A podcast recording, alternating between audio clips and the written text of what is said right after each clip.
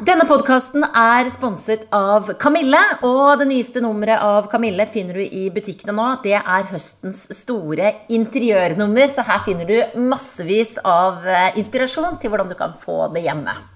Og så er denne episoden av Bra damer også sponset av Adams matkasse. Og endelig så har Adams kommet med vegetarkasse.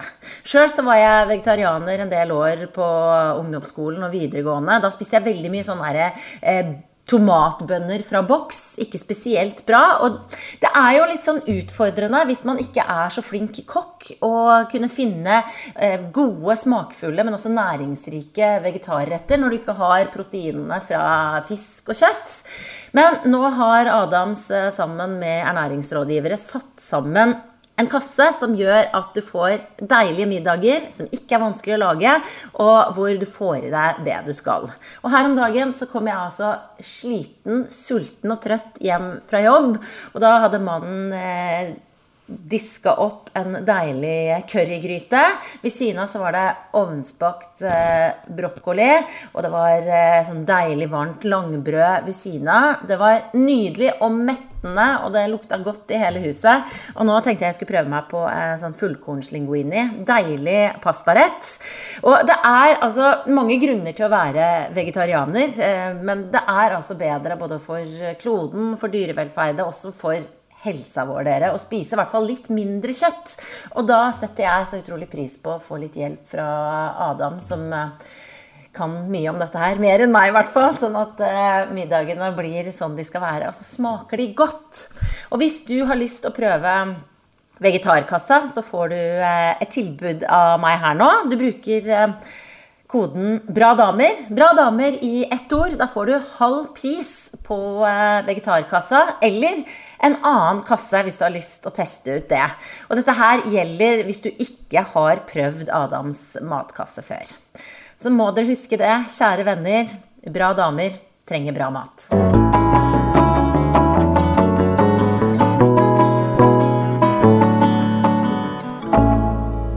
Dette er podkasten Bra damer. Guri Solberg heter jeg, og jeg har hatt veldig mange forskjellige gjester. Jeg har likevel ikke hatt så mange toppidrettsutøvere, eh, når jeg tenker meg om. Eh, men når jeg da først får en av Norges eh, fremste og sterkeste, eh, så er hun også en av de første som har med sjokolade. Og ikke nok med det, det er en gin and tonic-sjokolade. Hva fikk deg til å velge ut denne, Birgit Skarstein? Velkommen, forresten. Tusen takk. Er dette en, eh, en favorittsjokolade av deg? Nei, du, jeg har aldri prøvd den, men jeg, jeg fant den i dag. Så tenkte ja. jeg den er jo helt perfekt. Altså, vi drikker jo ikke så veldig mye, men uh, gin and tonic-sjokolade må jo gå an å ete. Ja. Og så er det veldig viktig, ikke sant? Fordi nå er vi jo liksom ute på ettermiddagen her, og da er det viktig at ikke blodsukkeret synker for lavt, så du ikke har nok energi. Ja. Uh, så det, det, er jo egentlig bare for å, ja, for å vare hele økta. Ja, sånn at jeg skal holde ut uh, en lang prat med deg, Birgit. Det var veldig god sjokolade. Men du, du, men du, spiser sjokolade nå, eller? Selv om for du er, for de som ikke er ikke er helt uh, detaljorientert om din uh, idrettskarriere. Og det, man kan jo bli litt forvirra for at du er god på flere ting. Du er god i hva, altså, hva er det korrekte navnet? altså Sitski vet jeg de sier på engelsk, men ja. hva heter det på norsk? Du kan egentlig si akkurat sånn på norsk. Ja. Sitteski. Mm. Og så eh, nå skal du av gårde om to dager til VM. Da er det i roing. Ja. Um, men, og da kan, spiser du sjokolade opp mot uh, Ja, det gjør vi. Ja. Vi gjør jo det. Mm. Altså, det viktigste er jo uh, helheten av kosten. da. Altså, mm. Du trenger ikke å spise sjokolade hvert måltid, men jeg tenker man må jo ikke være altfor uptight heller. I hvert fall hvis en uh, Nei, jeg, jeg, jeg syns at man skal nyte livet litt. Det mm. syns jeg. Du, vi melda litt sammen før du skulle komme hit i dag. Uh, og så sa du det at det var perfekt å komme i dag for at du var inne i en sånn liten sånn vakuumperiode. Uh, fortell hvorfor dette er en vakuumperiode for deg nå akkurat nå. Altså, Vi drar jo om to dager til VM, og i går så sendte vi båtene våre av gårde. Og um, da har vi jo egentlig tre dager uten båter. Og da gjør vi bare liksom alternativ trening, da. Og så går vi og venter på å dra. Og så har vi, før vi har VM, så har vi noe som heter superkomp. Eh, og det er rett og slett at vi bare kjører oss sjøl helt ned. For så liksom hvile oss inn i form, da. Ja. Men det er ganske slitsomt. Fordi det er fem dager på rad med knalltøffe intervaller. Og så har vi hatt to uker med sånn varmeakklimatisering, hvor vi har trena i sånne varmerom. Og, og da blir vi innmari sliten, rett og slett. Ja. Og nå er vi liksom i de her dagene imellom. Vi er ferdig med de tunge, tunge intervallene. Uh, og jeg har sendt av gårde båtene, og vi egentlig bare går og venter på å komme opp i form igjen. ja. Så du, altså, hvordan kjenner du deg akkurat nå? Akkurat nå så er jeg ganske sliten. Mm. Uh, men det er vi egentlig hele tida akkurat nå. Det er sånn det skal være, det. Men uh, også veldig spent og klar. Gleder ja. meg til å komme meg av gårde. Og så er det veldig hyggelig å komme hit. Altså, jeg har jo ikke vært sosial på en uke, så det her er jo kjempehyggelig. Endelig fikk du snakke med noen. ja. Men hvordan er, det, er, sånn, hvordan er det sosiale livet ditt sånn, uh, i en sånn oppkjøringsperiode som du nå er inne i? Sånn som når vi har en superkomp, da, som vi har nå, før en konkurranse, så ser jeg jo ingen andre enn dem som er på laget. Mm. Uh, og det er jo fordi at vi trener såpass hardt at vi stort sett ligger og sover, eller er ganske sliten når vi ikke trener. Uh, og fordi at uh, vi er litt mer utsatt for smitte, så da kan jeg egentlig ikke gå på plasser hvor det er mye folk og sånn. Og gud, så du nå ble jeg sånn blank i blikket, for jeg bare sånn Tenk om jeg smitter ned med noe nå, da? Nei, det går nok Å, veldig bra. Å gud a meg. VM ødelagt. jeg skal si det var Guri Solberg. ja, for jeg, jeg, kastet meg over deg og ga deg en klem, men, men er det, du klemmer kanskje ikke så mange og sånn? Ja, det går så vidt, men jeg møter jo ikke så mye folk, vet du. Nei, men, uh, men, det er veldig rart, for jeg er jo egentlig en ganske sosial type, og syns jo det er veldig trivelig å være sammen med folk, og det gir meg egentlig masse energi. Ja. Men akkurat når jeg er såpass sliten som vi er nå rett før en konkurranse, så, så har man liksom ikke noe å gi, da. Nei. Men du, jeg tenker på, altså, uansett når man er idrettsutøver på et sånt nivå som du er, eh, så kjenner man kroppen sin ganske godt. Man vet hvordan det kjennes ut når det er jævlig, og når, er, når du har god form og alt det der. Så tenker jeg at du har liksom en sånn ekstra dimensjon også. At du kanskje kjenner kroppen din og dens begrensninger og hva den kan på en annen måte, fordi du ikke kan gå. Uh, er dette bare en Altså, dette er bare noe jeg ikke har peiling på, men som jeg bare tenker. Uh, Kjenner du kroppen din ekstra godt? Ja Eller jeg vet ikke ekstra godt, jeg vet ikke, men jeg kjenner den i hvert fall veldig godt. Og mm.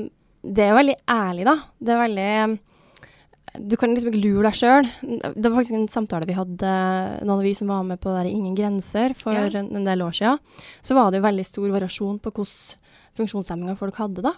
Og da hadde vi denne diskusjonen fordi noen sa at de, de gjemte liksom litt bort, og viste egentlig ikke så mye fram. ikke sant, Laver en jakke eller et eller annet som gjør at det ikke vistes. Men for meg er det helt umulig å ikke vise at jeg ikke kan gå. Mm. Det er en veldig ærlig ting. Og jeg møter jo på ting hele tida som utfordrer hva jeg kan og ikke kan gjøre. Sånn at uh, det er nok veldig tydelig for meg hva som er mine styrker og hva mine svakheter er. Også fordi at jeg har testa det såpass mye. da, At jeg har liksom kjent på de begrensningene, og òg kjent på de mulighetene ganske mye.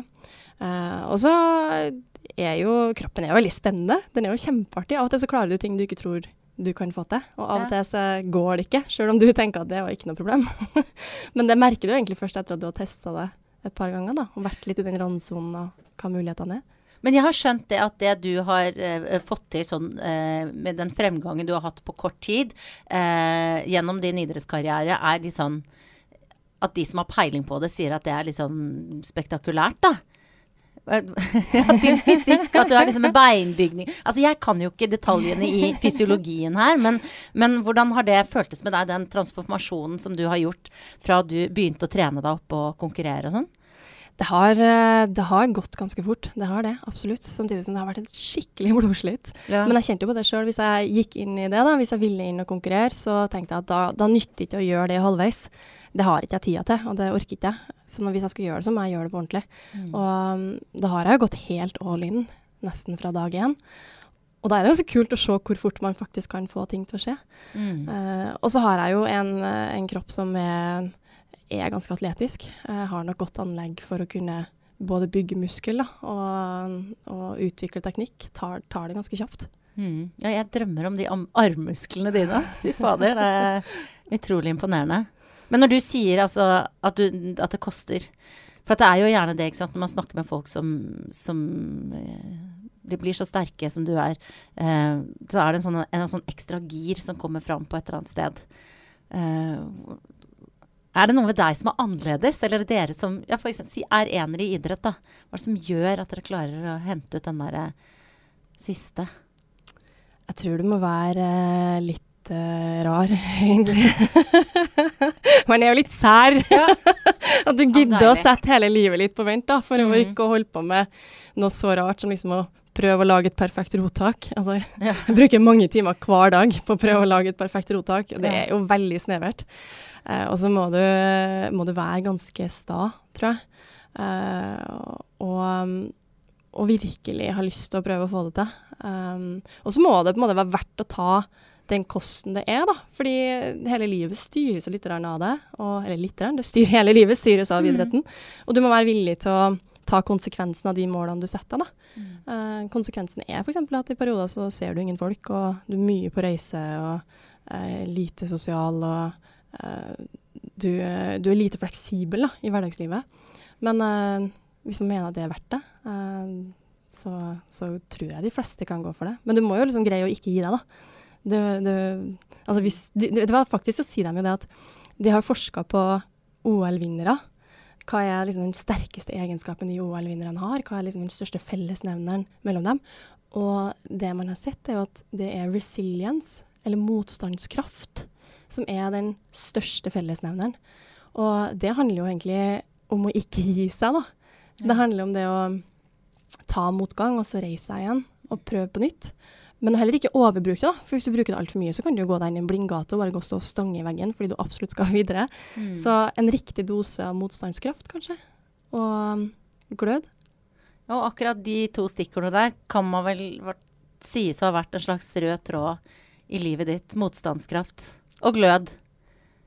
Ja, ja det mm. har egentlig det, altså. Det har egentlig det. Hvor er det du henter den kraften til å stå på sånn som du har gjort gjennom de utfordringene du har møtt, og de du har ja, skapt for deg sjøl når du har valgt en karriere som idrettsutøver? Jeg, har jo, er jo liksom ganske heldig, egentlig, fordi helt siden jeg var ganske ung, så har jeg hatt en sånn irriterende positivitet. en sånn evne til å se mulighetene da, i, i ting som skjer, og i situasjoner. Uh, og det gjør jo at det er litt lettere. Og så er jeg innmari glad i, i laget da, og i fellesskapet og, og teamet rundt. Så jeg syns det er liksom meningsfullt å, å være en, en, bra del av et team da, og, mm. og finne masse glede i det. Um, og ja, virkelig prøve å vise at det er så mye som er mulig, da. Uh, hvis andre sier at noe ikke er mulig, så tenker jeg sånn Nei, men du har bare, du har bare ikke sett muligheten, da. Den er jo der. Mm. Vi må bare finne ut hvordan vi skal gjøre det. Uh, det syns jeg er kjempespennende. Og det der er jo Det som er med akkurat de tingene du sier nå, er at det er jo mange som blir rike på å holde foredrag om dette. Og så kan man liksom bare Yeah, right. Det er ofte amerikanere, og så blir man litt sånn, kan man gjespe litt og sånn himle med øya. Men så er det nå, kommer det jo litt an på avsenderen. Og jeg tenker på når du sier det, da kan jeg liksom ikke lukke øra. For det, det, man kan jo si at du har hatt dine utfordringer. Du kunne eh, hva skal jeg si, bitterhet er en ting som kunne ha preget ditt liv hvis du hadde, hvis du hadde latt det slippe til. Mm. Uh, hvor nær har du vært å kjenne på det? Det falt meg egentlig ikke helt inn. Um, kanskje av to grunner, da. Altså, jeg ble jo, jeg ble jo lam som 20-åring. Og um, akkurat der og da så husker jeg liksom jeg tenkte, for jeg så jo andre som jeg lå på sykehus sammen med, som var innmari bitter og sur og sint. Og så tenkte jeg at uh, vet du hva, det der har ikke jeg energi til akkurat nå. Jeg har ikke noe overskuddsenergi til å drive med ting jeg ikke kan gjøre noe med. Fordi det kommer til å kreve så mye av meg hvis jeg skal greie å tilpasse meg da, det nye livet. Og så var jeg ganske kjapp med å sette meg mål, da. Uh, og liksom se hva er, det, hva er det jeg kan gjøre med det jeg har. Altså, jeg skjønte jo ganske kjapt at jeg kan ikke gjøre noen ting da, for å endre den situasjonen jeg sitter i. Uh, altså, jeg, jeg, kunne ha sittet og, og sagt sånn, det skulle ikke ha vært sånn, og det var jo mange som sa det. Det skulle jo ikke bli sånn. Så jeg, men hvem er det som har sagt at det ikke skulle bli sånn? Jeg fikk ikke noe bok da jeg var født som har sånn sånn her skal livet ditt bli, og så blir det annerledes, og så er det feil. Det er jo ikke sånn. Det er jo Av og til så tar livet noen vendinger du ikke helt kan kontrollere og ikke kan gjøre noe med. Og når du da sitter der og ikke kan gjøre noen ting med omstendighetene, eller hva, du, hva som er situasjonen, så kan du gjøre noen ting med hvordan du forholder deg til den. Det er jo litt sånn der, Det finnes ikke noe dårlig vær, det er bare dårlige klær. Ja. Men det er jo faktisk noe i det. Fordi jeg var ganske kjapp til å akseptere at OK, da, da, har jeg rett og slett fått en ny hånd med kort, da. Det føles litt ut som at eh, du, som, når du blir født, så, så, får du utdelt ett sett med kort. Vi som er født i Norge, vi jo, har jo allerede fått en veldig god hånd. Mm. Og så føltes det ut som at det var noen som måte, tok to kort tilbake og ga meg to andre kort. Og med dem så måtte jeg spille litt annerledes. Men jeg kunne fremdeles spille. Ikke sant? Mm. Sånn at hva kan jeg gjøre med det? Hva kan jeg gjøre med den situasjonen jeg er i? Det ble mye viktigere for meg enn hva kunne jeg ha gjort hvis det bare hadde vært? Fordi det var jo ikke. Og så prøvde jeg med en gang å bare glemme alternativet, da. Fordi at jeg kjente litt på det at jeg vet ikke hva som hadde skjedd hvis jeg ikke hadde blitt lam, da. For eksempel for å ta den episoden der, da. Fordi for alt jeg vet, så kunne jeg blitt påkjørt av trikken og drept dagen etterpå. Hvis jeg ikke hadde vært på sykehuset og vært lam. Altså, det vet jeg jo ikke. Og hvis skal jeg sammenligne med det, da? For i så fall så er det jo kjempebra å være lam. Da er det jo superflaks at jeg var på sykehuset og ikke var foran trikken. Altså, det er ikke et relevant alternativ å sammenligne med, fordi alternativet er falskt. Fordi jeg vet ikke hva det er. Så nå det eneste jeg kan forholde meg til, er det som er. Ikke det som kunne ha vært eller skulle ha vært, men det som er. Det er det jeg har. Og da ga det mye mer mening for meg å tenke men hva gjør jeg med det? Og hva gjør jeg nå framover med det jeg har? OK, jeg vil veldig gjerne leve et liv med mye frihet, som jeg kan bestemme over. Jeg har lyst til å leve et liv er, der jeg kan gjøre de tingene jeg vil. Og da måtte jeg bare tenke sånn OK, hva, jeg, hva er det jeg kan gjøre, da? Jo, altså hvis jeg hvis jeg lever da, til gjennomsnittlig levealder for kvinner, som er 84 år Jeg var 20 år da da jeg ble lam. Ok, da vet jeg det. Da har jeg 64 år i rullestol, da. Ok, Hva må jeg gjøre for å håndtere 64 år i rullestol? Hvordan håndterer jeg det? Jo, nummer én, jeg må være dritsterk. altså Hvis armene mine skal bære resten av kroppen og gjøre jobben for lår og hofte og knær og legger og foter mm. resten av livet, da må jeg være så sterk at jeg greier det uten å få belastningsskader overalt. Det er det ene. Det andre jeg må gjøre, er at jeg må lære meg å håndtere den rullestolen på en sånn måte at den kan ta meg dit jeg vil. Og hvis jeg da begynner med å tenke på at jeg er lenka til rullestolen, da, som jeg, det ser at den står rundt omkring, så blir jo det helt feil, fordi rullestolen er jo det beste hjelpemiddelet jeg har. Mm. Jeg må liksom prøve å bli bestevenn med den, da. Si at det er den som skal ta meg rundt. Jeg kan ikke være sint på den. Altså, Ikke ha rullestolen har vært mye verre, fordi da har jeg måttet krabbe rundt, og det er slitsomt. Men du, alle disse uh, tankene som er jo nydelige å høre når du snakker om, for det jeg tror alle som hører på, kan, uansett hva de har opplevd i livet, kan overføre det til, til noe som har hendt med dem, da. Smått eller stort. Mm. Og det som jeg tenker er bare Det er um, det at du var 20 år og tenkte de tankene. Var det noe som hjalp deg til å komme på en sånn klar tankerekke som du tydeligvis hadde, da? Nei, ikke egentlig. Men jeg var jo egentlig ganske heldig, fordi jeg hadde jo vært på utveksling i USA. Så jeg hadde mm. bodd ett år i USA. Og så hadde jeg bodd eh, noen måneder, eller tre måneder i Thailand og jobbet med barnehjemsbarn fra Burma. Og um, jeg hadde sett noen som hadde det vanvittig mye vanskeligere enn det jeg hadde. Mm. Altså Jeg kunne bare tenke meg tenk å være, liksom, være i, i, en flyktningleir, da, som en av de store leirene jeg jobba i der nede, og der få en sånn type skade. Jeg var jo kjempeheldig som bodde i Norge. Så det, er jeg følte nok egentlig ganske stor takknemlighet over det. Jeg hadde jo også ligget på sykehus i USA og sett liksom hvordan det var der hvis man ikke hadde ordentlig helseforsikring. Altså Vi er superheldige som har det helsevesenet vi har i Norge. Så må liksom sammenligne riktig vei, da. Og så tenkte jeg litt sånn at jeg er jo kjempeheldig som i 20 år har blitt lam. Fordi da har jeg jo skikk, jeg har liksom 20-årene til å bygge opp all muskulaturen til å kunne bære meg sjøl. Så du må liksom sammenligne riktig vei, da. Så sjøl om jeg var ganske ung, så hadde jeg nok jeg var så heldig at jeg hadde sett noen andre ting som, som gjorde at jeg likevel greide å være takknemlig for det jeg hadde, da. Visste du at i, i um, Kambodsja så er gjennomsnittlig levealder for en som har den samme type skade som meg, ni måneder mm. etter skade. De dør av urinveisinfeksjon. Ja. For ikke antibiotika. Det er, ja, det er jo livets lotteri på så mange måter, det, da, oppsummert. Mm. Mm. Og da har du liksom alle mulighetene i verden, egentlig, i Norge, da. Så du følte at det, at det at du så ferskt hadde på netthinna bilder av mennesker som var mye mer vanskelig situasjon enn deg, gjorde det lettere for deg å takle den tross alt ganske utfordrende situasjonen du selv hadde havna i? Jeg følte i hvert fall at jeg var tross alt ganske heldig, mm. og at jeg likevel hadde veldig mange muligheter, da. Um, for det hadde jeg jo. Ja. Og så handla det mer om å prøve å bevise for omverdenen min. Ja, var det vanskelig? var det vanskeligere å overbevise de? Jeg tror det er mye vær å være pårørende enn å være den som er i det av og til. Mm. Fordi i hvert fall følte jeg det, da, at når jeg var i det sjøl, så er det min jobb å takle det. Mens for de rundt så er det mye vanskeligere å stå og se på at noen du er glad i, har det så tøft, da, og må gjennom noe sånt. Mm. Det tror jeg er mye Altså, du har mye mer avmakt, da, for du har ikke noe direkte uh, Du kan ikke bare gå inn og gjøre det bedre. Sånn som mamma brukte å si det, jeg skulle ønske at jeg kunne bytte med deg, mm. sånn at jeg kan bli lam i stedet, og så kan du gå. Men hun kan ikke gjøre det, ikke sant. Nei. Hvordan var det som tross alt ganske ung, da, å se foreldrene dine i en sånn situasjon? Jeg syns det var ganske tøft, altså. Fordi det var jo på en måte litt min skyld at de hadde det så vondt. Samtidig som det ikke var det. Jeg kunne ikke noe for at jeg ble skada sånn. Um, sånn at jeg syns det var liksom trasig at det skulle volde dem så mye uro. Samtidig som jeg og så, ja, så tenkte jeg vel egentlig sjøl at jeg skal klare det sjøl. Jeg trenger ikke noe hjelp. Mm. så dere må ikke komme her og prøve å hjelpe meg. Fordi jeg ville ikke være til bry. Jeg var veldig redd for å være til bry.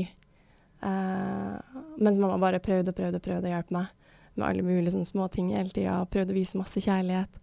Uh, så det, det, kan jo kanskje ha vært litt utakknemlig, egentlig. Fordi jeg bare Jeg kom hjem til jul, ikke sant. Så hadde mamma vært på hjelpemiddelsentralen og fått tak i sånne små terskelutjevnere da, som jeg hadde lagt over hele huset. Ja. Så jeg skulle komme meg lett rundt. Det første jeg gjorde, da hadde jeg vært lam liksom, i to måneder, var å bare gå og samle inn alle de der terskelutjevnerne og legge dem i en en haug inne på vaskerommet og si sånn Hvordan tror du jeg skal lære meg å hoppe kanter hvis du driver og jevner alle kantene for meg? Det går ikke an! Få dem bort! Kjør dem tilbake! Jeg tvang henne til å kjøre ned på hjelpemiddelsentralen og levere alt tilbake. der føler jeg der har vi jo et ganske godt bilde på hvordan du angriper livet, da. Bort med, bort med de som jevner ut. Uh, her gjelder det bare å lære seg å hoppe over med en gang. Ja.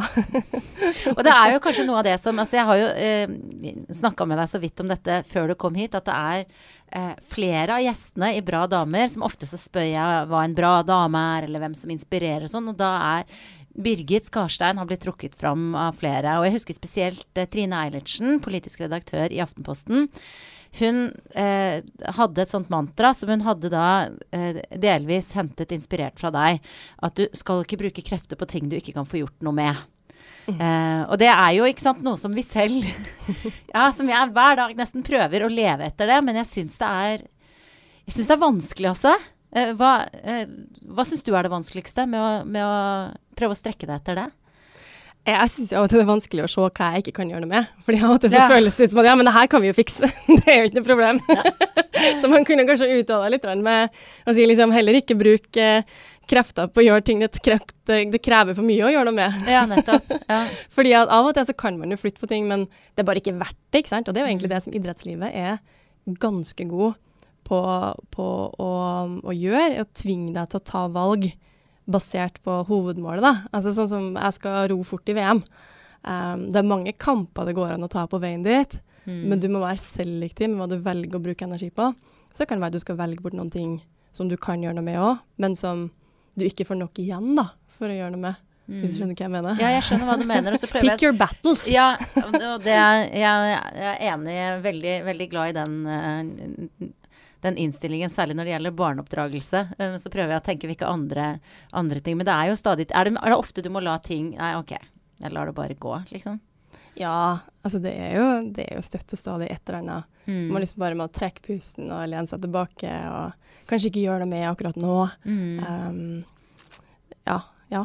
Det er jo egentlig det. Altså, det kan være mm. sånne småting. ikke sant? Sånn som no, vi, da, noen som har vært så sliten altså vi, Når vi er i det superkompen, det, det er sånn Du får virkelig strekt grensene dine, da. Fordi ja. at uh, du er så sliten at uh, du blir helt ør i hodet. Uh, hele kroppen er helt nedkjørt, så du blir liksom treg i bevegelsene. og eh, men jeg blir, i hvert fall veldig emosjonell, så jeg blir veldig fort rørt. Så jeg kan begynne å gråte av ingenting. og bli veldig sånn Og også bli irritert av veldig sånn lite, fordi du er så på grensa ikke sant, av det ja, du tåler. Og når du da har et helt lag som gjør det der samtidig, så må man liksom tråkke litt forsiktig med hverandre. ja, hvordan har det vært nå da i det siste? Hvor mye grining har det vært? Det har faktisk ikke vært så mye. Tre dager, kanskje. Ja. Hva Har det vært der i alle tre gangene, da? Eller er det på laget totalt? Nei, det, nei, det er det har bare vært for meg, ja. ja. Men jeg vet at alle sammen prøver liksom å ta veldig hensyn til hverandre, så vi går hver for oss og griner. Ja. ikke nødvendigvis av liksom ting som er dramatisk eller vondt eller vanskelig med hverandre, at vi krangler eller sånn, men sånn Jeg kan lese noe på nyhetene, og så tenker jeg å herregud, så utrolig forferdelig. Og så begynner jeg å føle at nei, har de det sånn? Å, stakkars, hvordan har de det? Og så begynner jeg bare å gråte. Ja. For jeg syns så synd på noen som har lest om, eller mm. et eller annet sånn. Um. Så alle følelsene er liksom forsterka i den situasjonen du er i nå? Ja, ja, veldig. Og da får du også øvd deg veldig på det der, og hvordan skal jeg håndtere alle de tingene som egentlig ikke er så farlige til vanlig. Mm. Så når du spør eh, hvordan altså, å lene seg litt tilbake og kanskje ikke gjøre noe med alt. Ja, altså akkurat i, spesielt i de periodene der, hvis du blir veldig irritert, da, som jeg kan bli når jeg er såpass sliten. Det er liksom Puste med nesa. Ja. Puste ned i magen. Ja. Bare si 'det her går bra'. La det være. Du hadde ikke vært irritert om det her hadde vært neste uke. Det er bare fordi du er så sliten. Det er du som uh, må roe ned litt. ja. så, så, neste uke er du roligere da, eller? Ja, det, det tror jeg. Uh, så har jeg nok mye mer energi. Mm. Og det her det kan jo kanskje du kjenne deg igjen da, som, uh, som småbarnsmor. at av og til, du, du er jo ikke på topp hver dag. Absolutt ikke. Noen dager er du bare fryktelig skitten. Men mm. tar du da hensyn til det? Gjør du det sjøl? Uh, uh, eh, ja, jeg prøver å gjøre som deg, da. Og pick my battles. Mm -hmm. uh, og det er jo altså, Livet handler jo egentlig om å innse at, at man ikke alltid kan være perfekt på noen områder, da. Men at man skal gjøre det beste ut av det man har i dag. Men du, du, skal jo ikke være Altså, du kan jo du kan ikke velge deg mer enn én ting. Maks to, tenker jeg, som du skal være perfekt på. Ja. Altså, det her er jo Og det her er jo skikkelig sånn idrettsmentalitet, uh, da. Fordi at mm. du skal jo vinne på det som er dine styrker. Mm. Du skal være god på det du er god på, og så skal du være akkurat så god som du trenger å være på de tingene du er dårlig på.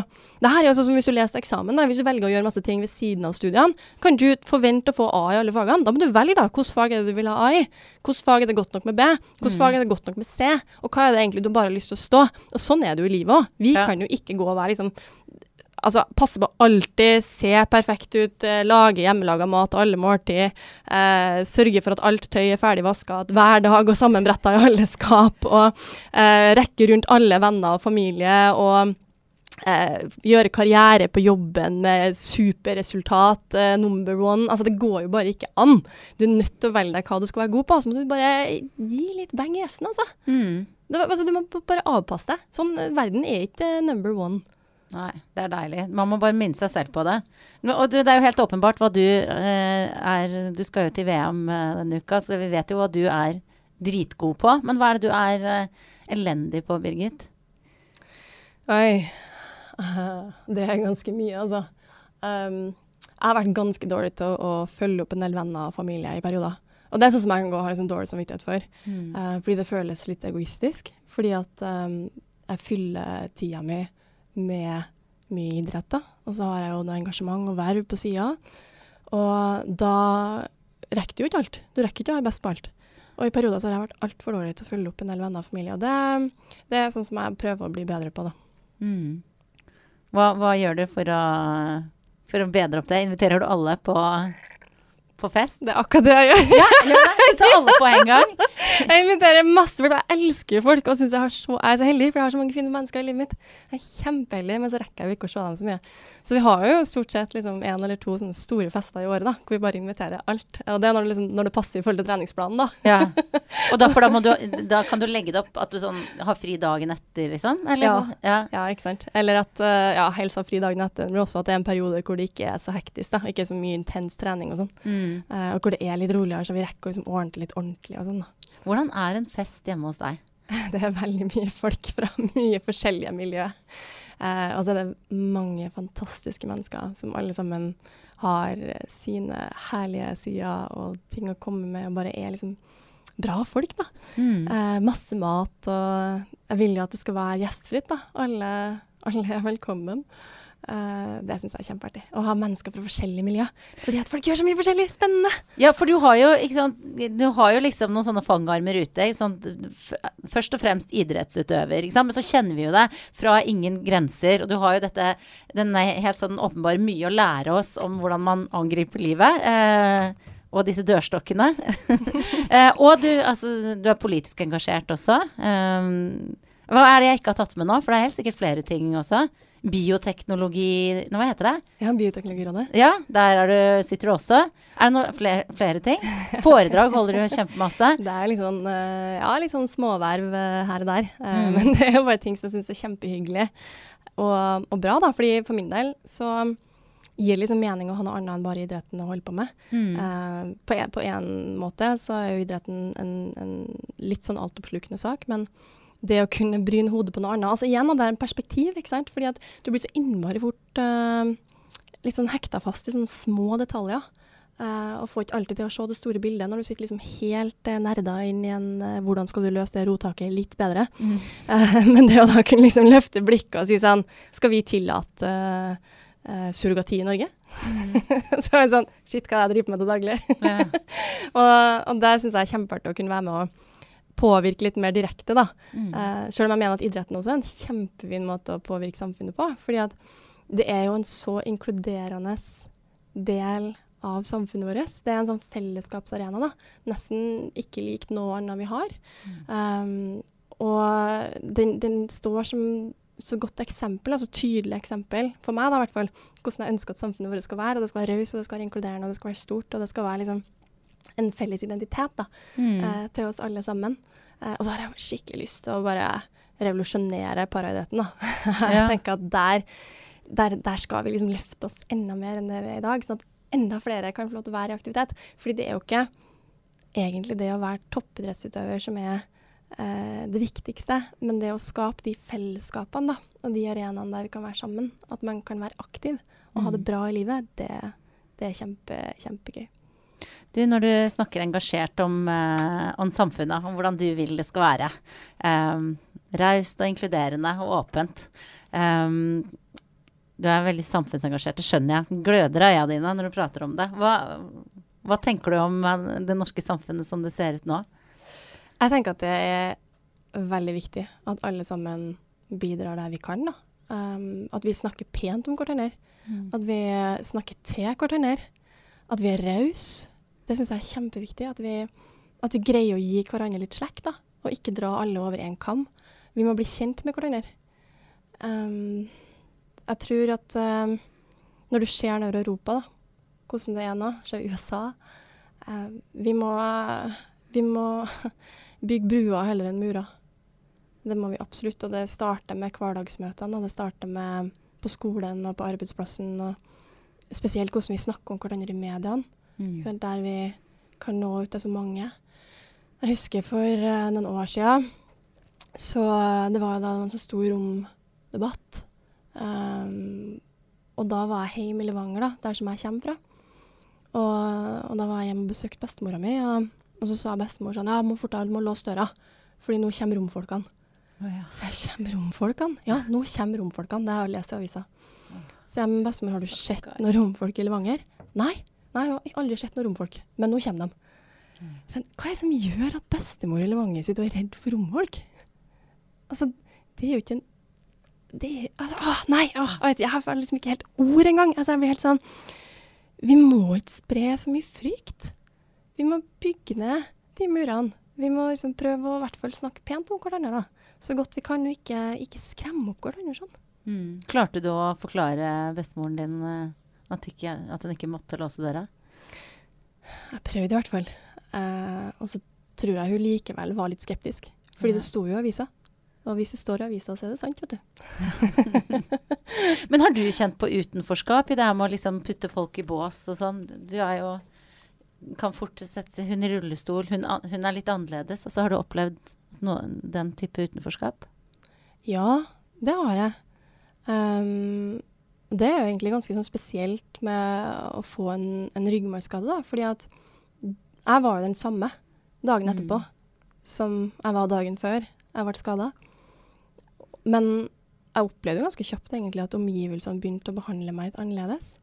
Og jeg var ikke helt mentalt forberedt på det, fordi at i mitt hode så var jo jeg bare Jeg var jo bare Birgit.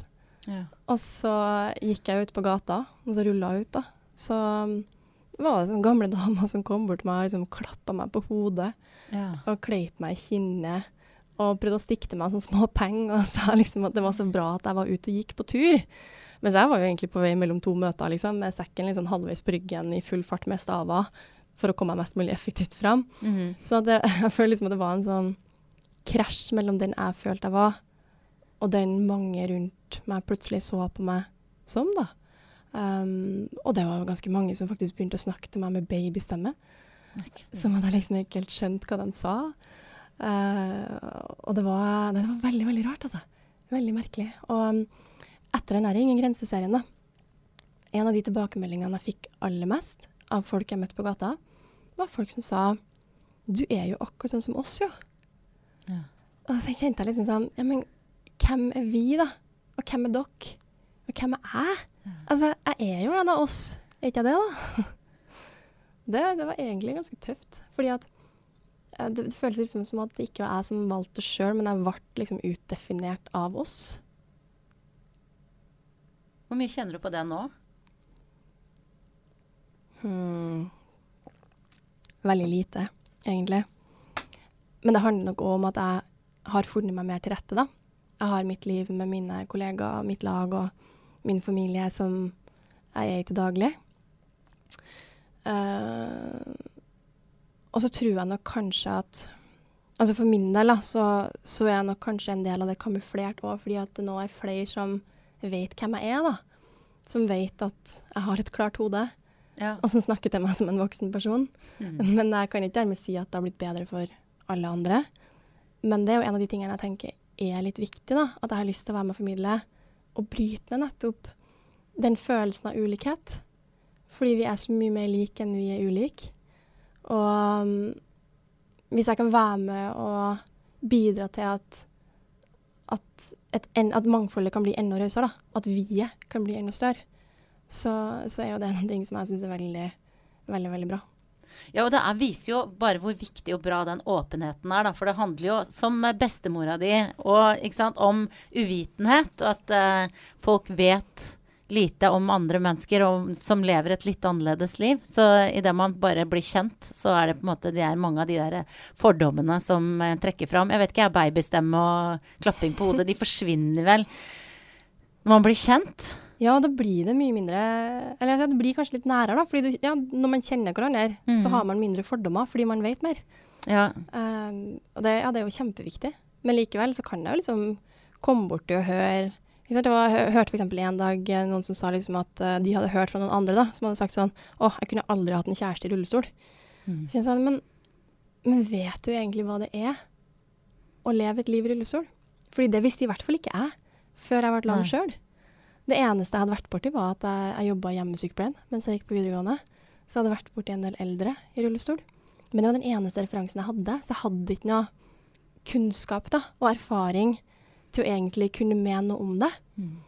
Uh, og da, da, risikerer vi også å utelukke oss sjøl fra ting som kunne vært veldig bra i livet. da. Hvis man velger å lukke øynene for det helt og si at nei, men det er helt uaktuelt for meg.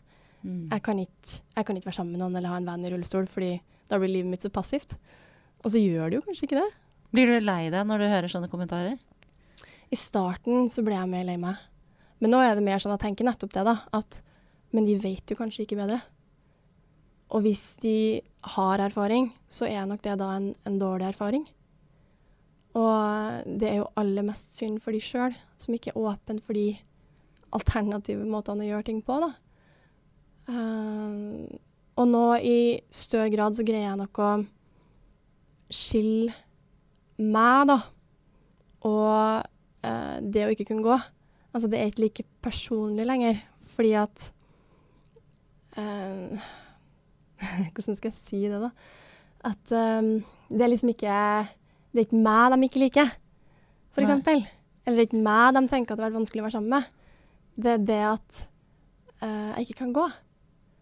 Og det er noe helt annet enn meg, sjøl om det er en del av meg. Det er en egenskap ved meg, men det er ikke meg.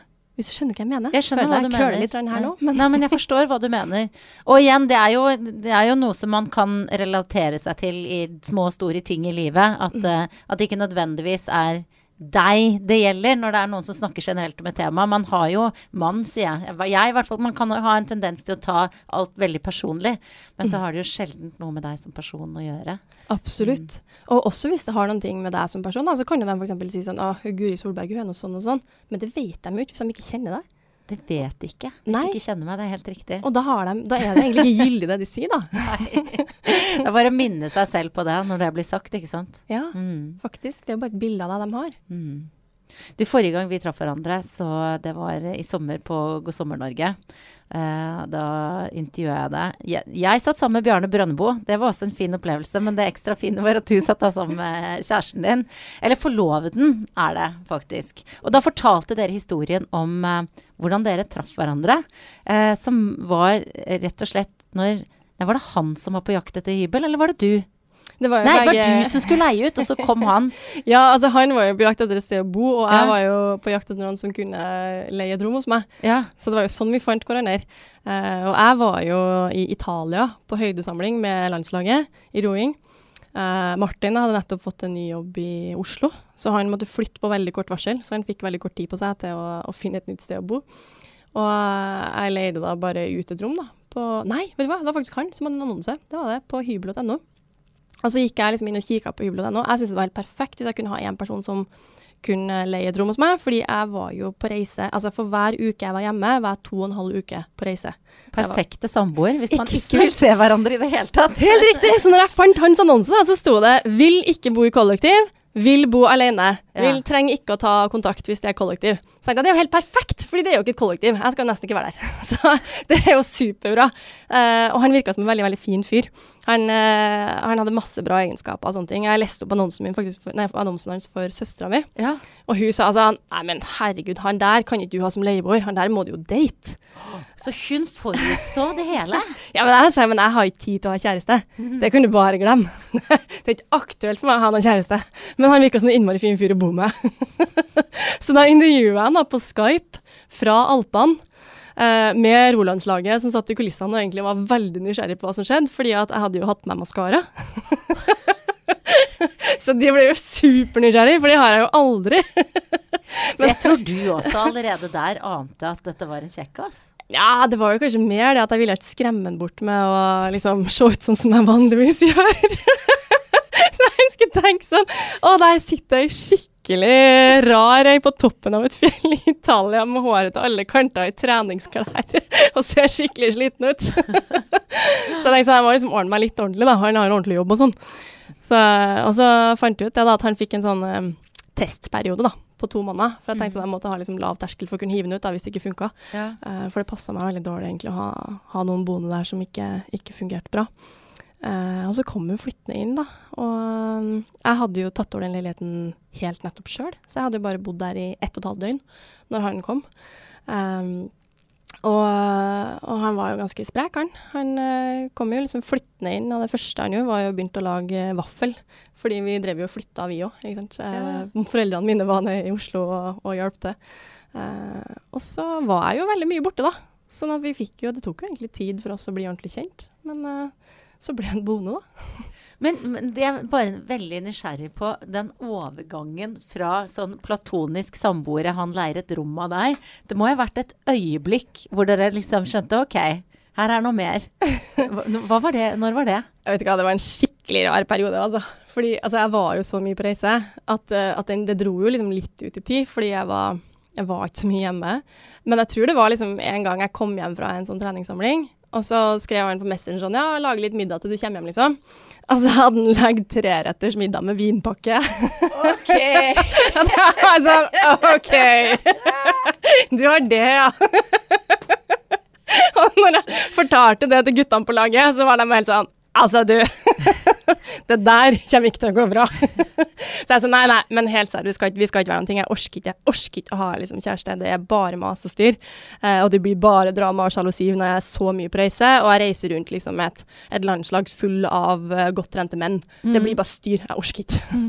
og så etter hvert så begynte jeg å bli forelska i han òg, og da fikk jeg helt panikk. Eh, da hadde vi Vi hadde faktisk en sånn en stor fest da, hjemme hos oss med liksom landslaget og en, og en del andre venner da, som var der. Og da hadde jeg drukket litt, da. Og da sa jeg sånn, vet du hva, Martin. Hvis, hvis det skal bli oss, så må vi enten gifte oss, eller så må du flytte ut. Fordi jeg gidder ikke noe mas. vi gikk jo helt noia. men så var han jo forelska nok da, til at han sa sånn OK, ja, men da gifter vi oss, da. og det skal dere jo også, så sånn sett så var jo det ordna seg bra, da. Det gikk jo fint, ja. det gjorde jo det. Men det var jo, altså, det var jo bare fullt utslag av min kontrollmani. Alt skal liksom fikses og ordnes og kontrolleres, og hvis jeg ikke har kontroll, så blir jeg helt sånn noia. Så at ikke han sprang med en gang, det var egentlig et under. og har det blitt noe drama og sjalusi, da? Nei, mindre enn det en uh, skulle tenke seg, altså. Uh, men klart, jeg er jo veldig mye på, på reise, da. Mm. Så jeg er mye borte. Uh, og det tror jeg er krevende uh, for de fleste som lever sånn, egentlig. Men mm. uh, man finner jo måter å gjøre det på, da, så lenge en er innstilt på det. Mm. Skal han være med deg til VM nå? Han skal komme og se på. Ja. Så jeg reiser med landslaget på torsdag, og så kommer han da fredagen uka etterpå. Mm. Sammen med pappa, da. Hva betyr det for deg å ha han der? Det er veldig hyggelig. Uh, han blir jo veldig nervøs, da, fordi at uh, han kan ikke gjøre noen ting. Han, jo, han, har ikke noe særlig kontakt med meg heller, fordi vi går jo inn i en sånn boble. Ja. Uh, så han, han, må jo liksom bare gå og vente på at jeg skal ro løp, da, og håpe at det går bra. Mm. Gjør det det, da? Jeg håper det. Er det sånn, Jeg vet at du er jo har sett sikkert mye mental trening og har sett for deg dette løpet. Og sånn. Men hva er det du ser for deg når du men det som skal skje i Bulgaria nå Det er i Bulgaria? Det er Bulgaria. Ja, det var, var, var liksom sånn ro reporter Guri Solberg. det var bra huska.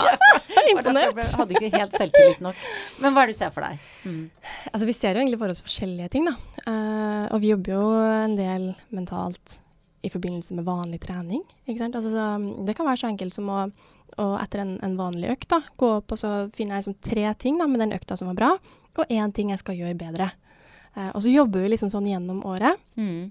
Og når det nærmer seg konkurranse, og det her er jo veldig overførbart til mange ting i arbeidslivet òg, så setter vi oss ned og så bygger vi sånn en pyramide da, med byggeklosser med alle de tingene vi har gjort gjennom året som har vært bra. Hvorfor, altså, hva er det som er grunnen til at det kommer til å gå bra i VM? Jo, fordi jeg løfter tre kilo mer i benkpress enn jeg gjorde i fjor. Jeg har øvd masse på akkurat det å sette årene ned i vannet. Det, det fikser jeg veldig bra. Eh, jeg har sovet masse. Eh, derfor er jeg godt uthvilt. Altså alle sånne altså små og store ting da, som vi bygger opp. Sånn at vi til slutt liksom har en pyramide, så kan vi se på den og si sånn OK, men det her er alle grunnene til at det kommer til å gå bra. Mm. Eh, og så, så, har vi liksom rene visualiseringer av løpene. da. Så når du spør liksom, hva skjer i Bulgaria nå, hva tenker jeg om det? Jo, nå har jeg en pyramide med alle de tingene som jeg har gjort, da. Som er, er gode forberedelser til at det skal gå bra. Og så har jeg en plan uh, for løpet, da, sånn taktisk, uh, hvordan jeg skal legge opp det. Og, og, det er ganske kult egentlig hva du kan få hodet ditt til å gjøre. Altså Når vi sitter og visualiserer Jeg har sittet på sengekanten og hatt 186 i puls, som er liksom bare ti slag under makspuls, bare på å sitte og tenke at jeg er i løpet. Tuller du? Det er helt vilt. Og svett og være rød i ansiktet og være liksom helt andpusten, da. Bare med å sitte på sengekanten. Fordi du går så inn i det at du, liksom, kroppen din kjenner påkjenningene som du ser for deg at du er igjennom? Ja, kroppen er i løpet. Det er så fascinerende. Ja, det er kjempesnedig. Og, og, da kan vi sitte og forestille oss forskjellige ting, da. Ikke sant? På, i, I ett løp så kan jeg tenke sånn OK, nå går jeg og skal lede hele veien, og så skal jeg vinne. Da gjør jeg det sånn. Uh, og så kan man kanskje vente en ti minutter, fordi du blir jo ganske sliten av det. Ja. og så gjøre en ny runde, da. Og så da visualisere at noen andre går, f.eks. halvveis i løpet, da. At noen andre går fra meg. Hva gjør jeg da når jeg sitter der? Og så tenker jeg liksom tak for tak, da. Helt fra liksom sette åra i vannet, dra gjennom, ta åra ut, skli kroppen tilbake, puste. Uh, og så må det svare jeg på at hun går, da. Og forestille meg hvordan ville jeg gjort det. Uh, og telle tak, da. Helt inn til mål. Det er sånn eh, avansert dagdrømming. Ja. Altså, ikke sant? Det er sånn, sånn, som jeg holdt på med da jeg var, var, liten, og så, så for meg ting som skulle skje som jeg gleda meg til. Men dette her på litt mer sånn avansert nivå, da. Men gjør ikke du det her litt når du f.eks. skal være programleder, da? Jo, men ikke så detaljert, tror jeg. Jeg vet ikke om jeg hadde fått opp eh, nervepulsen, på en måte. Så jeg kan ser det for meg mye. Og sikkert før jeg skulle treffe deg i dag, så har jeg liksom tenkt Hvordan blir det å møte henne? Kanskje vi skal snakke om det? Uten at det er Det, altså, det er nok en sånn light-utgave. Jeg er bare fascinert over hvor fortetta og realistisk det virker som det blir, da. Ja, det er kjempekompakt. Men det er vel noe man må lære seg? Altså det å kunne visualisere på den måten. Du kan trene det opp, da. Ja. Men det handler jo egentlig bare om å altså prøve å sette deg ned og lukke øynene. Mm. Det gjør jeg alltid. Jeg lukker øynene, mm. og så tenker jeg at jeg er der. Ja. Og da, da, er det sånn OK, nå kjenner jeg lukta av løvtrær, mm. og kjenner liksom litt av vind i ansiktet. Eh, kjenner hvor har jeg hendene. Jeg har hendene liksom foran hofta. Eh, jeg drar hendene litt fram og tilbake med åra. Kjenner liksom vekten av åra i håndflata. Mm. Kjenne at, hvordan det føles ut når den toucher vannet.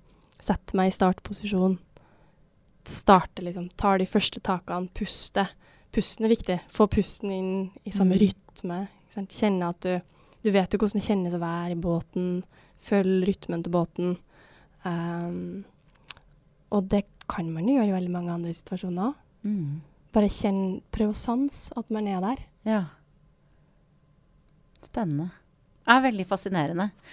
Du, jeg eh, ba deg jo eh, i går om å ta med en ting som sier noe om hvem du er. Du sa det var en spennende øvelse. Litt ja. vanskelig, sa du. Men som med alle utfordringer, så har du vel kastet deg over det? Ja. Har du kommet ja. til mål? Uh, jeg har det. Jeg var jo innom litt sånn forskjellige ting, da. Uh, jeg spurte jo Martin da, hva han tenkte at jeg burde ha med meg. Jeg tenkte jeg kanskje han kjenner meg bedre enn det jeg kjenner meg sjøl. Mm. og han sa jo sånn Du burde ta med deg et eller annet sånn superenergisk med masse energi. Han ble liksom oppgitt fordi jeg starter prosjekter hele tida. Hvis jeg får litt fritid, så begynner jeg å starte et prosjekt med en gang. Så av og til, sånn før Superkomp og sånn, så kommer han og sier sånn Nå får du ikke lov til å starte et eneste prosjekt på én uke. Ja. Nå må du holde deg i skinnet. så jeg vurderte om jeg skulle finne et eller annet som, eh, som hadde litt mye energi. Et batteri eller noe sånt.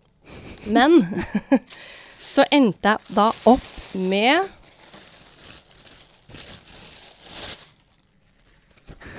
Det er veldig bra. Badehette à la eh, Charter-Hilde er på en måte min referanse, da. Ja, det er ja. litt sånn. Det er litt sånn. Fordi livet Mamma, mamma brukte å si det, ikke sant. At det blir ikke noe mer artig enn du lager sjøl. Og det er veldig viktig. og du må liksom Én ting er de store målene og VM og alt sånne greier, men noe helt annet er jo hverdagen, da. Ja. Å ha det liksom bra i hverdagen og kose seg i hverdagen. og det kan du bare ta ansvar for sjøl, ikke sant. Uh, og, og, det fins jo som regel bra da, i hver situasjon, på en eller annen måte. Og, og liksom, Noe av det verste jeg vet å gjøre, det er reiseregninger og regnskap. Ah. Åh, kjenner du henne? Ja, ja, ja. ja, ja. Du, jeg hører liksom på, på, lyden din nå ja, at du bare jeg, Nå visualiserer du deg inn ja. i regnskapet. ja. Jeg ser for meg de strenge damene på økonomiavdelingen, jeg. Som, men nok om det. Ja. Problem. Ja, ja, nei, jeg føler det, altså. Det, det, er liksom det verste jeg å sitte med kjøkkenbordet hjemme med liksom sånn bunke da, med, med kvitteringer som jeg samla opp siden januar, liksom. Oh, og skal begynne å liksom, lime og sortere, og hva går, og hva går ikke, og sånn. Og da, da råtner det liksom litt inni meg. Eh, men det må jo gjøres. Ja. Du må jo gjøre det for å kunne gjøre de artige tingene etterpå, og mm. før. Men da hender det at jeg henter fram den her, da, badehetta, og setter den på hodet. Og så sitter jeg og gjør regnskap i den her badehetta. Fordi da er det jo litt morsomt. Og når da Martin kommer hjem fra jobb, så begynner han bare å flire når jeg sitter på kjøkkenet i blomsterbadehette og sorterer kvitteringer. Da vet han hva som foregår. Ja, da, men da, da blir det hyggelig med en gang, ja. ikke sant? Ja, kanskje jeg skal begynne med det, så blir jeg ikke så redd for å gjøre feil, sånn at jeg får kjeft og sånn. Nei, nei, nei, nei, du må jo gjøre feil. nei, men det er, det er, for mye luftmotstand å begynne med den der eh, når du sitter og skal ro i VM. jeg tror det, altså. Selv om det sikkert har vært ganske bra blikkfang, da. Ja, det, det, tror jeg. Look at her! Birgit Skarstein! Look at that hat! Da hadde fått enda mer uh, kameraer på deg. Laughing her way all the way down. ja, Ja, Nei, fader, det, altså, eh, badehette når du gjør reiseregninger, det er eh, nok et godt livsråd fra Skarstein her. Må ikke være så alvorlig. Nei, eh, det er godt du sier det. Eh, og du kan, det bare, kan, du kan, bare beholde den på, for jeg tenkte jeg skulle spørre deg eh, disse tre spørsmålene som jeg stiller til alle mine gjester. Og det første Ja, nei, det er kanskje For jeg pleier å spørre folk hvor lang tid de brukte på å finne ut hva de skulle ha på seg i dag. Det hadde vært morsomt hvis badehetta var del av det. da. Du hadde ikke den på deg da du kom, kan jeg avsløre. Jeg hadde jo ikke det. Vet du hva, jeg er Jeg er liksom eh, veldig enkel på det der. Jeg bruker som regel 0,2 sekunder om mm. dagene på det, fordi at jeg går jo stort sett i treningsklær. Og det første jeg gjør i morgen, er å gå på trening. Så da har jeg egentlig Da har jeg jo har jeg liksom det i boks, da. Men eh, nå har jeg på meg ordentlige klær, mm. eh, faktisk. Og og det her er jo det andre jeg går i, da. Når jeg ikke går i, i treningsklær, så går jeg som regel i ullundertøy. Ja. Jeg sitter også i ullundertøy i dag, bare så det er Åh, det er deilig. Og nå ja. er det litt høst, ikke sant. Og min oppgave nummer én og denne vakuumperioden før VM er jo bare å unngå å bli tjukk. Mm. Eh, og da er det veldig deilig å ha litt ull. Mm. Eh, og vanligvis er det jo litt sånn, der, sånn tuftewear og dæhlie og sånne sportsting, men det er ikke alltid det passer seg det heller. Så i dag har jeg faktisk fått tak i meg en sånn L og Ill-skjorte som ser ut som en helt vanlig skjorte. Den er kamuflert som en vanlig genser men egentlig er det ull. Å, kjempefin. Ja, kjempedeilig. Er det sånn at det, man blir litt ekstra forfengelig de få timene man ikke har på svette treningsklær? Ikke for min del, i hvert fall. Uh, altså, som sagt, uh, laget reagerte med en gang jeg hadde litt maskara på meg. Men det er jo veldig deilig, da. Men vi er jo veldig opptatt av at kroppen skal fungere, det er jo det som er det viktige, ja. egentlig. At du skal ha liksom uh, bra med næring og praktiske plagg og, og sånne ting. og jeg føler jo egentlig ikke at, det, at veldig mye av meg er så tett kobla til hvordan jeg ser ut. og det er egentlig deilig, fordi da trenger ikke jeg tenke så veldig mye på det. Men det er jo greit å kle seg sånn at du passer litt inn da, dit du skal. Eh, det andre er også knytta litt til denne eh, perioden du er inne i nå. Hva spiste du til frokost i dag? For det er sikkert viktig nå. Jeg vet ikke hva, I dag er jo en skikkelig dårlig dag å stille spørsmål, da. Fordi det første jeg gjorde i dag, var jo faktisk at jeg var på sånn um, kroppsskann. Oi. Uh, og da, da, er vi oppe på Olympiatoppen, og så, får vi, så skanner de bare rett og slett gjennom hele kroppen vår. Og så får du vite uh, hvor mye muskulatur har du, hvor mye fett har du, hvor mye eh, sånn benmasse har du. Eh, og da kan du ikke spise noe først. Nei, ok. Sånn at jeg spiste jo egentlig ikke frokost før litt utpå dagen. Um, men da spiste jeg sånn, uh, sånn derre uh, chiapudding og omelett og frukt. Men hvordan var skanningen? Den var kjempebra! Har du gjort framgang? Enda ja. mer framgang? Ja, vet du hva. Ah, vet du, vi har jo jobba i, i, sommer med styrke på, på øvre del av rygg og bryst. Og hadde jo gått opp 850 gram. Eller en sånn flintsteik, da, som han ja. styrketreneren vår sa. det har gått opp en flintsteik i muskelmasse. Ja. og det er jo veldig, veldig bra. Det er godt å ha med seg inn i VM nå. Ja, og igjen da, så har du det der med, med tall. fordi at når jeg står på startstreken, så, så nytter det ikke for meg å si sånn Du er kjempeflink, det her går kjempebra. Jeg må si sånn du kan gjøre det kjempebra nå fordi du har gått opp en flintsteik i muskelmasse. Ja. Eller fordi du har naila den starten så mange ganger på trening. Det må liksom være en sånn begrunna uh, sjøltillit, da. Hvis du skjønner mm. hva jeg mener. Ja, Du har um, noe konkret å knagge det på, på en måte. Ja, ja. ikke sant. Og der, og der, har vi jo, der handler det egentlig bare om å ha fantasi, da. Finne gode grunner til hvorfor det går bra. Mm. Men, uh, ikke, ikke, sånn sjølbedrag, men sånn uh, uh, Du skal ha en, en, eller for min del, da, en, en velbegrunna trygghet. Mm. og da er det veldig deilig å se sånne tall, da. Ja, ja, ja. og så er det veldig deilig at det gikk den veien, da, og ikke motsatt vei, da.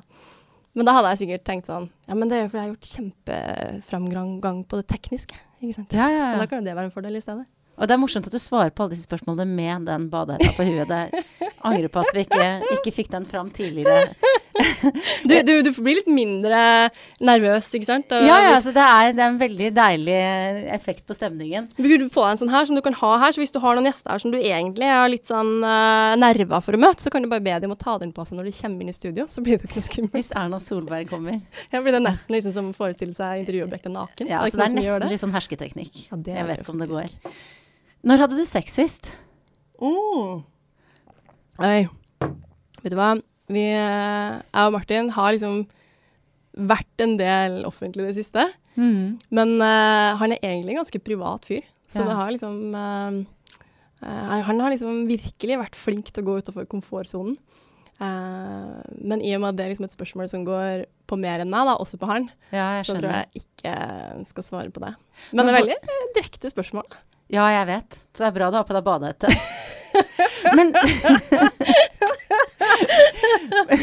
Men sånn som for han å være sånn sånn forrige gang vi møtte hverandre i God sommer Norge, eh, syns han det er stress? Det var jo første gangen han var på live-TV. Mm. Den gangen. Ja, han klarte seg veldig bra. Ja, du syns det? Ja, ja, det syns jeg òg. Ja. Han var kjempeflink. Um, men det er klart det er jo litt annerledes, da. Fordi mm. at um, uh, det er jo det er jo veldig eksponert, ikke sant. Og mange som ser på det. Mm. Og, og så kan man jo tenke litt sånn Ikke han, da, men én kan jo tenke, og jeg har jo tenkt det mange ganger sjøl, sånn Å, skulle ikke sagt det, eller skulle ha sagt det. Og enn om alle tror at jeg er en dust nå fordi jeg måtte ga et så utrolig unyansert svar. Altså, man kan jo få litt sånn angst uh, for sånne ting. Men jeg uh, syns han klarer seg veldig, veldig fint, da. Mm. Um, men det er jo ikke, det er ikke bare bare å bli kasta ut i det. Også fordi at veldig mange av de spørsmålene han får, dreier seg om meg. Ja. Og det tror jeg er litt sånn rart, egentlig. Å være liksom være i søkelyset i kraft av å være sammen med noen. Eh, og da tror jeg det er liksom viktig at man passer på også hvor er de private grensene, og, og hvem er jeg, da. Mm. Tror du ikke det? Er mannen din mye i media? Nei, ikke så mye. Nei. Og han blir jo f.eks. hvis jeg stiller intervjuobjektet det spørsmålet som jeg nettopp stilte deg, mm. og de sier eh, 'Da når hadde du sex sist?' Og, hvis, og jeg kommer til å svare på det. Da Altså, jeg burde nok gjøre det samme som du gjorde nå. For det er noe med når man utleverer andre også, så bør man jo helst ta en liten sjekk om de syns det er greit. Men det der er faktisk et veldig, veldig godt poeng, fordi mm. Uh, og jeg har jo liksom brent meg litt på det sjøl òg. At jeg sitter og skrevler og tenker sånn Ja, men det her er jo ikke noe farlig å si. Mm. Uh, men så er det kanskje farlig for den andre. Ja, ja, ja. Uh, og, så, og, i hvert fall hvis man ikke i utgangspunktet er så veldig mye i media. Og både fordi da legger folk mer merke til det, mm. men også fordi at jeg tenker at man må jo være, få lov til å bestemme sjøl hva man vil skal ut, da. Men ja, det er nok veldig avhengig av person til person. Er det mange som svarer på det spørsmålet? Litt sånn 50-50. Du skal slippe å svare på sexlivet ditt, men jeg kom på at det hadde vært Skal dere gifte dere? Altså, det skal jo åpenbart det. Men er det sånn, er dere på planleggingsgreiene nå, eller? Det som er utfordringa, er egentlig at jeg ikke får det helt til å passe inn i min treningsplan.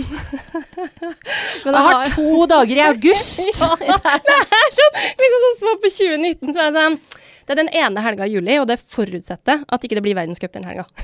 ja. og og så har jeg mye venninner som har gifta seg, og jeg syns det virker som at det er så mange som stresser så mye. Mm. Uh, og jeg har ikke noe lyst til at det skal bli liksom stress og kjipt. Uh, så vi stresser ikke så veldig mye med det. Men uh, vi planlegger litt sånn smått som smått. Mm. Det gjør vi. Og tar det litt som det kommer, egentlig. Så, så skal vi Vi har liksom kompromissa litt da, på det at vi, han Martin blir jo 30 i mai, og jeg blir jo 30 i februar. Så vi skal ha en sånn skikkelig 60-årsfest da, ja. etter VM. Det blir bra. og det blir jo liksom en sånn test da, på hvordan vi håndterer en stor uh, happening med ja. mye folk. kommer til å bli en bra fest, det tenker jeg meg. Jeg håper det. Skal ikke være så høytidelig, i hvert fall. Nei. Det er mye trøndere og mye, Kanskje ikke så mye skinnvest, men veldig mye dansing, tror jeg. Kanskje kommer det en sånn badehette fram også. Seigt på kvelden. Du Birgit, uh, Veldig hyggelig å snakke med deg. Og lykke Eller skal man si er det, Skal jeg si toy toy, break your legs? Uh, lykke til til uh, i VM. Takk for det. Det var ja. veldig veldig hyggelig til å komme og skrevle litt før uh, vi for. Ja, så fikk du liksom lufta deg litt. Fylt på den sosialkvota. Tusen takk. Ja. Det var skikkelig snilt. og så er det bare sånn Nå bare bank i bordet. Jeg håper jeg bare ikke Jeg har gitt deg noen sånne basilusker på veien inn hit. Men du har jo på deg ull-T-skjorte. Ja, jeg vet. det går nok bra.